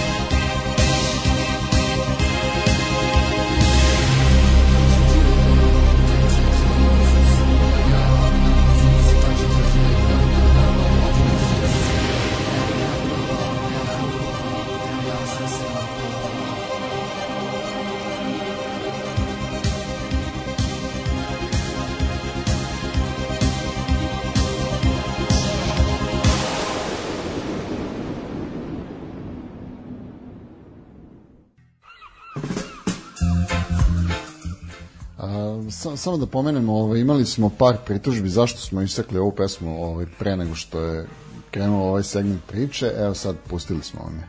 Ne, za one koji sad ne gledaju futbol, Manchester jedan u... E, da, da, uvijek dođe Ja- ja neki pratim- navijači. ja pratim. Je pratim. 8, 9 sati i 30 minuta. Aha, e. Ovo niste ovaj sat vratili. Ne, to, Jel? to je večiti se. U ja, ja bih hvala samo da se osvrnemo na jedan jako, jako lep članak koji je nezavisan društvo Vojvoda, e, novinara Vojvodine objavilo na Svetski dan slobodne štampe, a to je pažljivo birajte kome poklanjate poverenje. Da, to je bila čitava kampanja, to su naše mlade novinarke, urednice osmislile, ovaj, pa mislim, znaš kako, kampanju treba osmisliti, a procenjujem da da su lepo osmislile, da, da je ljudima jasno šta su htele da kažu. To je ona jabuka koja je s druge strane trula ili cveće koje je neko plastično, a Da. neko pravo. I Jeste. tako. A to ti je to, medijska pismenost dovodi do toga da možeš, ako si medijski pismen, da biraš medij koji ćeš da pratiš. Nažalost, kod nas je neka ta represija vlasti prema medijima i onda ti nemaš slobodu izbora, imaš u kablu neke medije koje možeš normalno da gledaš, podcaste, raznorazne sajtove, mislim, ok, mi smo, a, neću kažem napredni ljudi, ali mediji se razvijaju, pa i mi se samim tim razvijamo i koji pratimo i koji radimo u medijima, pa znamo da postoje i drugačiji načini komunikacije koji su vrlo ovaj, pristupačni i sve popularniji. Međutim, zašto ljudima koji imaju naviku da gledaju televiziju ne biste obezbedili jedan kanal gde bi mogli da se čuju raznovrsne vesti ovaj, Da. Pa, mislim, zato što ti na, u vrhu vlasti sedi Ali čovjek jeste. koji je u, u vreme najgorih represija prema novinarima bio ministar inform, E sad, kad si to pomenuo, ja ću ti samo reći jednu stvar. Ja sam u to vreme se već bavio novinarstvom i kada sam video dva ili tri teksta kako su mi objavili urednici, što nije ličilo na ono što sam ja napisao, pitao sam zašto to tako, pa kao uveli smo autocenzuru da nas ne bi Vučić, ovaj, Vučićevi ovi tužili, A ja sam rekao, pozdravite vi sve te vaše i Vučića i koga god hoćete, kad vam nešto bude trebalo, samo tražite, ja ću vam poslati, nemojte me potpisivati, jednu godinu i po dana se sigurno nisam bavio novinarstvom, nisam hteo da radim pod tim uslovima, ono, bukvalno da kome god ono se ono javi ono da, da, da, da treba da, da te tuži, da te tuži, da ti uništi i tebe i mediji i tako dalje. I nešto slično se i sada dešava, do duše nije još zaživelo. Dakle, ne znam da li ste primetili, dešava se da određen broj medija prenese neku informaciju koja je suštinski tačna. Ali bez obzira na to, određeni, a, određene firme, uglavnom sad za početak, tuže sve medije listom i imaju jako velike odštetne a, zahteve. Samim tim, e, ti kad si tužen moraš da jeli, odgovoriš na tužbu, a te takse su izuzetno velike kad on traži tako veliki odštetni iznos. Dakle, neka igranka je počela i oko toga baš da se ovaj da se unište ti specijalizovani malo, da. istraživački portali koji su i dalje opstali ili neki lokalni a, pisani uglavnom mediji tamo, ne znam, U Kikindi. da, gde god. Tako da, ovaj, jako je, sve je opasnije, po medije, naravno, ali drago mi je što tih portala ima i što su ljudi odlučni da, da, da, da rade.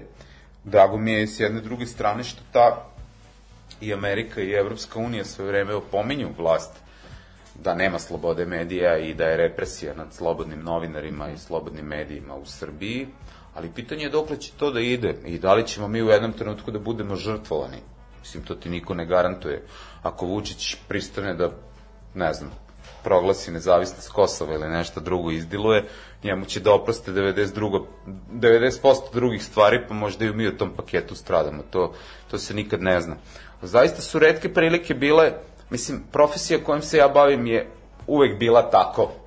Nikad nije bila ni, ni skroz slobodna, ni skroz bezopasna, bilo je nekih romantičnih perioda tamo posle 5. oktobra kada je bilo i i boljih plata i više slobode, ali sve je to bila neka klackalica, ali to što si ti pomenuo, od vremena kad je on bio i ministar, pa sad gledajući ovo današnje vreme, to je negde vrlo slično, ako ne i gore sada, i mislim, čim njega vidiš, odmah znaš šta se dešava otprilike, ono, njemu, on ima pik na medije, uvek je imao, a, pokušao je kao mlad da se bavi novinarstvom, izbrčen je s tamo neke lokalne televizije na Palama, pa da mu je od toga nastao kompleks ovaj, pošto ga nisu primili da radi u medijima, pa sad ono... Isto, isto kao što ima kompleksi na stadionu i da. A ima razne komplekse, verovatno, E, ih i ja, leči. ja, moram, ja moram sad samo da se osvrnem ovaj, da a, neki ljudi na Discordu primećuju da si jako dobar analitičar a, zbivanja na, na ovim prostorima i da bi volili da te čuju a, na ovom programu sa Daškom od, od 8, znači u drugom satu ali sumnjaju da bi došao do reči od njega. Od Daška? Da. Pa dobro, mislim i ja volim Daška da slušam, tako da možda bi me Daško kao i uvek kad ga slušam očara, pa bi ja samo sedeo i slušao njega kako priča. Mislim, da se razumemo, Daško i Mlađa su ovaj, jedan produkt koji, eto tako, nije uobičajen, potrafi se i ljudi ih jako vole. Evo, recimo, moj rođeni brat sluša Daška i Mlađu i samo prati Daška na Twitteru i to mu je sasvim dovoljno, kaže, uopšte ne treba da gledaš šta je po medijima, tu sve čuješ šta ga zanima. A, meni je jako krivo što Daško i Mlađa ovaj, nisu nastavili da rade na tom o radiju iz istih razloga iz kojih ja nisam nastavio da radim posao kojim se se bavim i, i mnogi od nas. Ovaj, ali eto, živimo u takvoj zemlji gde sloboda nije poželjna stvar. I ljudi koji žele da se osjećaju slobodno i to dele sa drugima nisu poželjni jer ovi su toliko pokvareni da, da, da, da, da, da neće ni to da ti dozvole. Ovaj, jednostavno, mi sada živimo a, drugi krug pakla sa ovom vlašću. Mm. Mislim, prosto imali smo Slobodana Miloševića do 5. oktobra, a onda smo malo ono kao živeli, mada nas je Koštunica sve vreme jako nervirao. Sputavao. Da, i onda smo 2012. dobili takvu jednu šamarčinu za koju je, ono, otprilike Boris Tadić, jedan od glavnih krivaca i ta njegova ekipa koju je oko sebe skupio. U suštini, Meni se desila jedna jako čudna stvar kad su ubili Zorana Đinđića. Ja tog čoveka niti sam glasao za njega, niti sam ga nešto posebno cenio i tako dalje i tako dalje.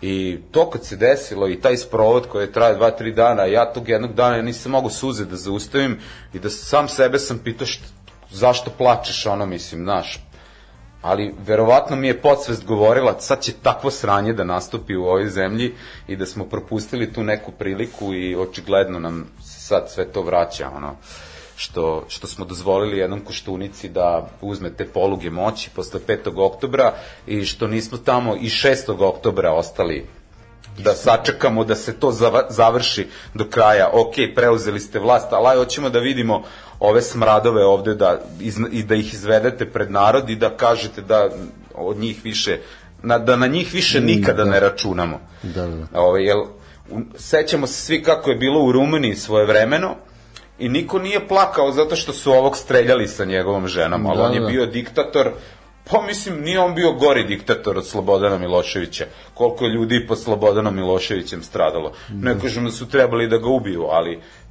to je trebalo satreti do korena, što, je, što su se neki zalagali za lustraciju, ta jednostavno socijalistička partija Srbije, radikalna stranka, da im se zabrani rad na 20 godina. Pa ko hoće se bavi politikom ili ako je pametan, nek uđe u drugu stranku ili nek pravi neku drugu priču, ali vas ljudi nema, pa nema. Međutim, to su ti kompromisi koji nisu, nisu trebali da se dese, desili su nam se i sad možemo samo da cvilimo i da, da žalimo. Ja sam ovaj, mnogo toga rizikovao, ali ovaj, kako da kažem, jednostavno bilo pa prošlo, idemo dalje. Da. E, a, ja bih sad opet vratio malo na to što si počeo da pričaš o Daškoj mlađi i koliko je šteta što oni nisu. E sad, a, ono na šta moram da se nadovežem, opet a, sip, sitno sobstvenička, da oni nisu otišli odatle, mi sad ne bi ovde sedeli i razgovarali. Pa svako znači, loše ima svoje dobro. Da, a, nešto što vodi ka dobrom. E sad, a, nekako bih, a, nekako bih se na ovo samo nadovezao da davno su ljudi rekli da nađi posao koji voliš i nikada nećeš raditi. Ti si našao posao koji voliš, pecanje si da kažem, da. uvezao sa novinarstvom. Pa da, to je bilo Sve to je bilo sasvim slučajno, pravo da ti kažem. Ovaj, nekad u pitanju je nezavisna produkcija Škorpion, ovaj, koja se tim stvarima bavi već dugi niz godina. Rade ljudi priče o lovu i ribolovu, Imali su tu neku situaciju da su neki novinari hteli da im odu i pitali su me da li bi ja to hteo da probam, pa da vidim, pa ako me zanima, zanima, ne zanima, ne zanima. Ovaj, s obzirom na to da sam kao klinac volao da idem na pecanje i nije mi strana ta priča, ono, mislim, znam te neke osnove, ovaj, rekao, hajde, probat ćemo. Da, imao si tamo široke reke u Banatu. Pa da, bilo je, stvarno, kad, kad živiš u Zrenjaninu, onda stvarno, ono, otprilike, kada ustaneš, razmišljaš se, hoću na kanal, hoću na Tisu, hoću na Tamiš, sve ti je tu, ono, sve, ono, reke su na sve strane, ima i tih nekih jezera, tako da, ovaj, ima tu još nekih drugih reka, zaista je široko ono, izbor bio za odlazak na pecanje, ali da se vratim na ovo, jednostavno, eto, tako potrefilo se i negde sam se spojio sa sada meni jako dragim a, prijateljem Markom Penčićem koji radi kao profesor na asistent pardon na fakultetu polit, ovaj fakultetu tehničkih nauka u, u Novom Sadu dakle negde je robotičar po struci ali je ovaj isto strastveni ribolovac i mi smo kao dvojica autora emisije ja kao novinar on kao profesionalni to jest sportski ribolovac napravili taj neki serijal koji, eto sad već četvrtu sezonu snimamo, prikazuje se na ovom kanalu Lovi Ribolov koji imamo u ponudi u SBB-u, ko me zna kao istraživačkog novinara ne može da me smisli kao neko ko pravi ovaj, ribolovačke priče, ali ja mislim da oni meni zavide, jer odlazak na reku i snimanje takvih serijala, to prosto ono, toliko te opusti kad ti ceo dan provedeš u prirodi, kad dođeš negde onako i da si umoran i da nisi umoran, Napunim si pa bateriju. kao legneš da spavaš, nešto ti lepo onako, ono, čist si iznutra, nemaš nekog stresa, ono koje, kojeg se nagomila u svakodnevnoj toj komunikaciji sa ljudima kada radiš neke druge stvari, tako da to doživljavam, ok, to jeste jedan od mojih poslova, ali više mi je kao hobi, kao ono, taj odlazak negde gde nema nikog, gde, recimo jedno, od- to sam baš nedavno u Zrenjinu, sam snimao takmičenje i sreo sam ribolovca kojeg smo snimali na uh, ovaj, jezeru kod Stare planine, onom velikom, koje je stano na tim reklamama, kako se zove, nije Zavojsko, Zaovinsko, Za, da, Zavinsko je na Tari, Zavojsko je kod stare Zavojsko, planine. Zavojsko jezero, tako je. I ovaj, mi kad smo se tu pojavili, oni su nas čamcem prevezli na, drugu, na drugi deo ovaj, obale, na drugu obalu. Tu naravno nije bilo nikog, bili su naši domaćini koji su tu kampovali, imali su šator, zabacili ovaj, štapove, pecaju ribe, mi njih snimamo, peče se roštilj, kupanjac, božni čam, mislim, ono, raj. I baš sam mu rekao sad kad sam ga video u Zrenjinu, kao, e, planiramo i ove godine da nam dođete. Rekao, vidi, što se meni tiče, isplanira i mesec dana u kontinuitetu ćemo da snimamo. Znači, ono je, nevarno, znaš, ono, zelena prozirna voda, vo, tu je vodozahvat, tu ljudi uzimaju vodu i nose kući Da. da je piju. Ali i, i, i u toj, mislim, ajde, tu nisu reke stare planine, I u tom jezeru toliko pluta smeća, ti ne možeš da veruješ koliko smo mi ono tu prirodu zapostavili, koliko je ne vraćamo ono što ona nama daje. I to je ono što me deprimira i drago mi je da ima tih kao boraca za zaštitu životne sredine, ali moramo zaista to kao, to je, to je ta neka vrsta mentalne higijene, prosto ne možeš tako da se ponašaš sa prirodom. To što namestiš od smeća ponesi. Da. Na kraju krajeva ti ljudi koje mi snimamo, oni svu ribu koju upecaju vrate u vodu. Jedina, je- njima je, njima je najveće zadovoljstvo da izvade tu čuvarku, da izmere, da vide koliko su ribe upecali i svu ribu vrate u vodu. I kad ih pitaš, pa kako, pa kako, kako, ono, mislim, ali kako drugačije kad je od malih nogu navikao da je to sport. Da, da, da. Da. Ode on u prodavnicu, kupi ribu pa je pojede, ali, ili ne, jednu, dve što upeca. Ali to je ono, vratiš tu, pa da dođeš i sledeći put da ti bude Jeste. lepo. I jesu tvoje rebolovačke priče, priče onako elokventnije, onako kao neko ko je novinar, piše tekstove. Mm. ne, ne. Ja, ovaj, inače, i kad radim dokumentarce na neku drugu temu, ja se trudim da pustim sagovornike da pričaju. Ja se trudim da minimalno ima mog, ono, teksta propratnog, znači, uh, uglavnom Marko i ja na početku tog nekog snimanja stanemo ispred kamere i kaže došli smo tu i tu, danas ćemo snimati to i to, i onda krećemo našu akciju i na kraju ako treba neku odjavu damo, ali u principu ono, puštamo naše sagovornike da pričaju svoju priču. Super, da, da vam je bilo poslednje snimanje? Pa poslednje snimanje nam je bilo u Zrenjaninu. To je vrlo zanimljivo, pošto u Zrenjaninu ima taj kanal BG ili ti reka BG koji je sad kao pripojen pre više desetina godina kanalu DTD, iako je reka.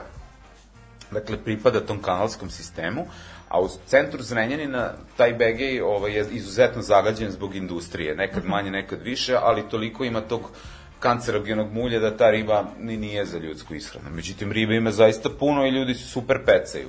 Eto, tamo smo bili i to je bilo kao neka vrsta urbanog pecanja, jer smo mi bukvalno u centru grada ovaj, snimali to takmičenje, ovaj, kod, Da. kod Supovog mosta, tu gde je ono zgrada policije, tu odmah ovaj, su ljudi dole ono, pecali i bilo onako zanimljivo. Eto, to je bilo Da, da. poslednje. A ne, naredno? Naredno. Pa idemo sad u Kovin 20. u Kovinu ima akcija udicom protiv droge. Inače, udicom protiv droge, to sam shvatio da je globalna akcija u Srbiji, u stvari akcija nacionalna, gde idu po tim nekim, to je stvari školica ribolova za, za klince, koji dolaze iz škole da uče, bukvalno da pecaju, i to se zove udicom protiv droge. Sad, zašto su drogu? Verovatno u tom nekom trenutku kad je krenula akcija, to bio izrazit problem, ovaj, tako da, mislim, verovatno i dan danas. Mm, Jako, jako dobro, mislim, jako dobra ideja. Pa imaju oni ovaj, raznih tih akcija na nivou tog ribolovačkog sportskog saveza Srbije i svih tih udruženja koje se tu lokalnih koje se pojavljuju. Entuzijazma ima mnogo u tom ribolovu, međutim njima se ne vraća mnogo. Oni bukvalno ljudi, evo sad kad smo pomenuli sportsku, ribolov kao sportsku disciplinu. A, sva, a, mi smo pre dve godine u Novom Sadu snimali svetsko prvenstvo u lovu, udico, a, a, lovu ribe udicom na plovak. To, ovaj, I Gde je to bilo?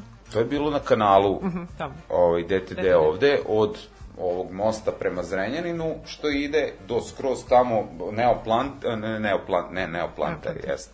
Znači, tu imaš a, pet tih, kako se zove, sektora, u svakom sektoru ti je po, ne znam, ono, koliko takmičara bilo je, valjda 32 reprezentacije, pa sad zamisli puta pet, pošto svaki imaju po pet predstavnika i to se tako peca. E sad šta sam teo da kažem?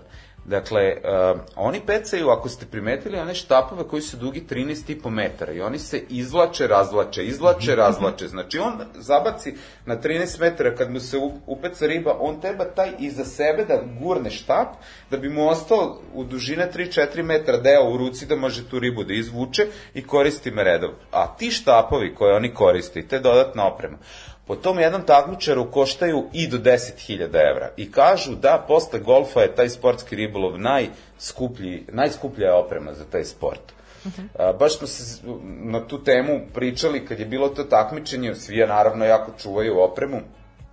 Kad su se oni tu poređali, ne znam koliko su rekli miliona evra da košta ta oprema koju oni svi imaju iz svih tih zemalja, svi takmičari koji su došli ovaj, u Novi Sad da se takmiče. A hoću da kažem, oni su a, ili amateri ili poluprofesionalci. A ovi što su poluprofesionalci, to su ljudi koji imaju neke ribolovačke radnje, pa kao, ajde, i takmiče se. Ali uglavnom svi imaju neke poslove po nekim firmama, pa uzimaju slobodne dane, pa Da, ovo, da. pa ono, a opremu kupuju iz svog džepa. Znači, hoću da kažem da je to neverovatan entuzijazam, da se ljudi tim sportom bave, ništa im se ne vrati, osim tog nekog ono, zadovoljstva, Jeste. što je izašao na reku, što se takmičio, što je upecao više od ovog pored sebe i na kraju su tu ribu vratio u vodu.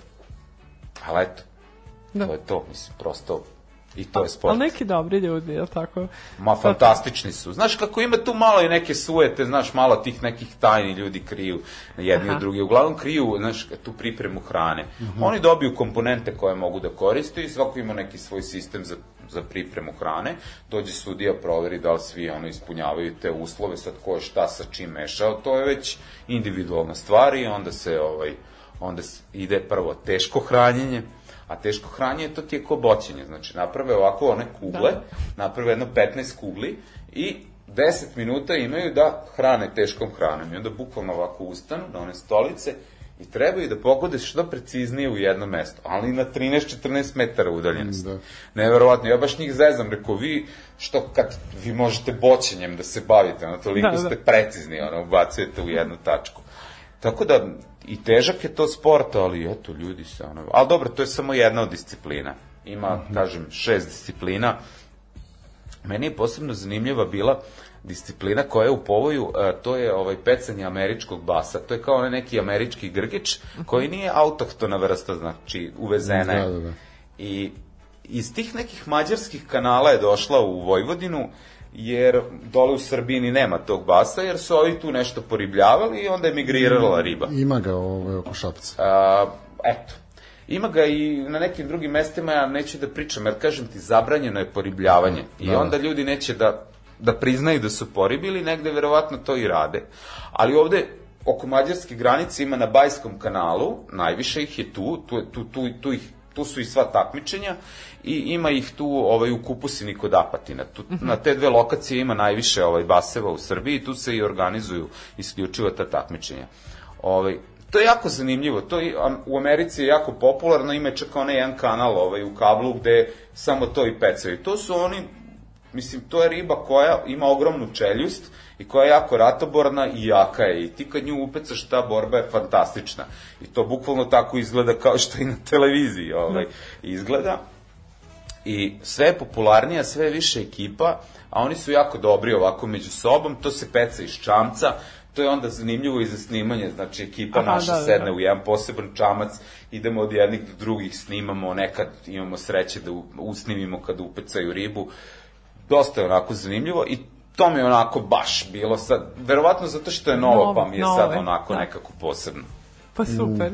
E, znaš kako je jako lepo e, slušati te sa kakvim žarom pričaš o tome, tačno vidiš koliko te ispunjava i koliko to voliš, koliko god da ti širiš neverovatnu energiju kad pričaš o sindikatima, kako se treba boriti, kako se ovde, znači ovde se onako e, taj ratovorni duh po, pomeša sa jako velikom ljubavi i to je Pa fantastično znaš nešto. kako, ja ono što volim, to volim. Ono što manje volim, onda ne bavim se time. Ovaj, tako da, prosto, daješ sve od sebe tamo gde jesi. Mislim, sad, ono, ne volim da tezgarim i ošljarim, što kažu. Da, ono, da, da. Znači, ili ćeš da radiš posao ili ga nećeš raditi. Ali si našao sjajan ventil.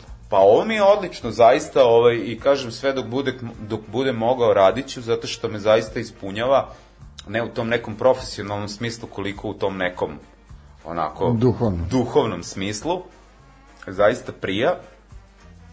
I ovaj, super mi je sad zanimljivo kako je ovo prvo sunce sinulo, svi me pitaju gde si ti to bio, si bio na moru, na nekoj planini, na odmoru. Ja sam te Rekao, pitala "Ne, da si kozio travu. Bio da. sam na pecanju. da. I samo mi je belo oko očiju zato što nosim naočare. Pa dobro. Bitno da imate neku dobru zaštitu protiv komaraca, jel da? Nema ih još uvek, I hvala i Bogu. neki, i neki dobar faktor za sunce. Da. Darko, bilo je baš zadovoljstvo što si nam bio gost. Divne si nam stvari ispričao. Ja se nadam da su ljudi e, čuli e, nešto što ne znaju i naučili o tome da, da sindikati postoje tu zbog svih nas i da je, i da je to nešto što je e, zakonom, je tako, ovaj, pripada svima nama i Regulisano, da. i da postoji ovaj, mogućnosti i udruživanja i obraćanja za pomoć i sličnih stvari, a, ovaj, a Pa čak vreme... i kad ne postoji nešto u zakonu, ljudi mogu da se izbore da se to zakonski Jest. reguliše. Jest, da. Što si ti rekao, ono, krenite preko malih pobeda i neke stvari će se rešavati. I moraju ljudi da imaju cilj. Ako nemaju cilja, onda je sve ono Da, krivinarenje. jest. Mm, Da, I budite tumarenje, tumarenje u mraku. Da. I ja samo da ti se zahvalim, a, još jedno rastrojavanje i još jedan divan gost je bio sa nama. Jest. Hvala, Hvala i vama, vi zaista. ste bili divni domaćini, zaista sam uživao. I Odlično. ovaj, mi isto u NDNV-u imamo neke naše podcaste, to rade mlade kolege i sve bolje i bolje rade i sve je to slušanije i slušanije i ka, kao što sam i rekao, ono, Teh, tehnologija napreduje, mi nju pratimo Ovo je- i ovo je put. dovoljno je sedeti, ono, eto, mi ovde smo kao u nekoj dnevnoj sobi i jako mi je prijatno bilo, pogotovo što je ovde zastao i u Slavi, koja mi je posebno draga. Tako da, odmah se setim jedne babine tapiserije koja je bila vrlo slična ovome. Na njoj je do duše pisalo i Tito. Da. Tako da, ovaj, hvala vam što ste me ugostili, bilo mi je zadovoljstvo, sad na drugo polo vreme futbala. Da, da, da. Jedan jedan za Hvala one tebi. koji nisu ispratili. Zdravo svima. Ćao.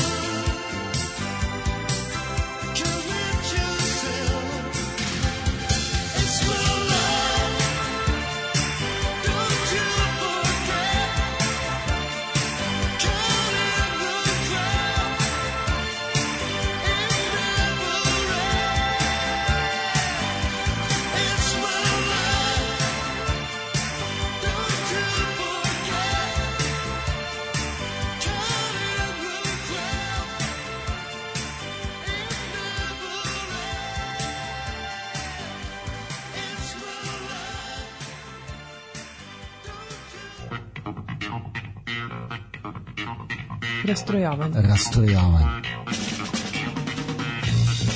Četvrtkom uveče u 8. Uglavnom uživo. Rastrojavanje.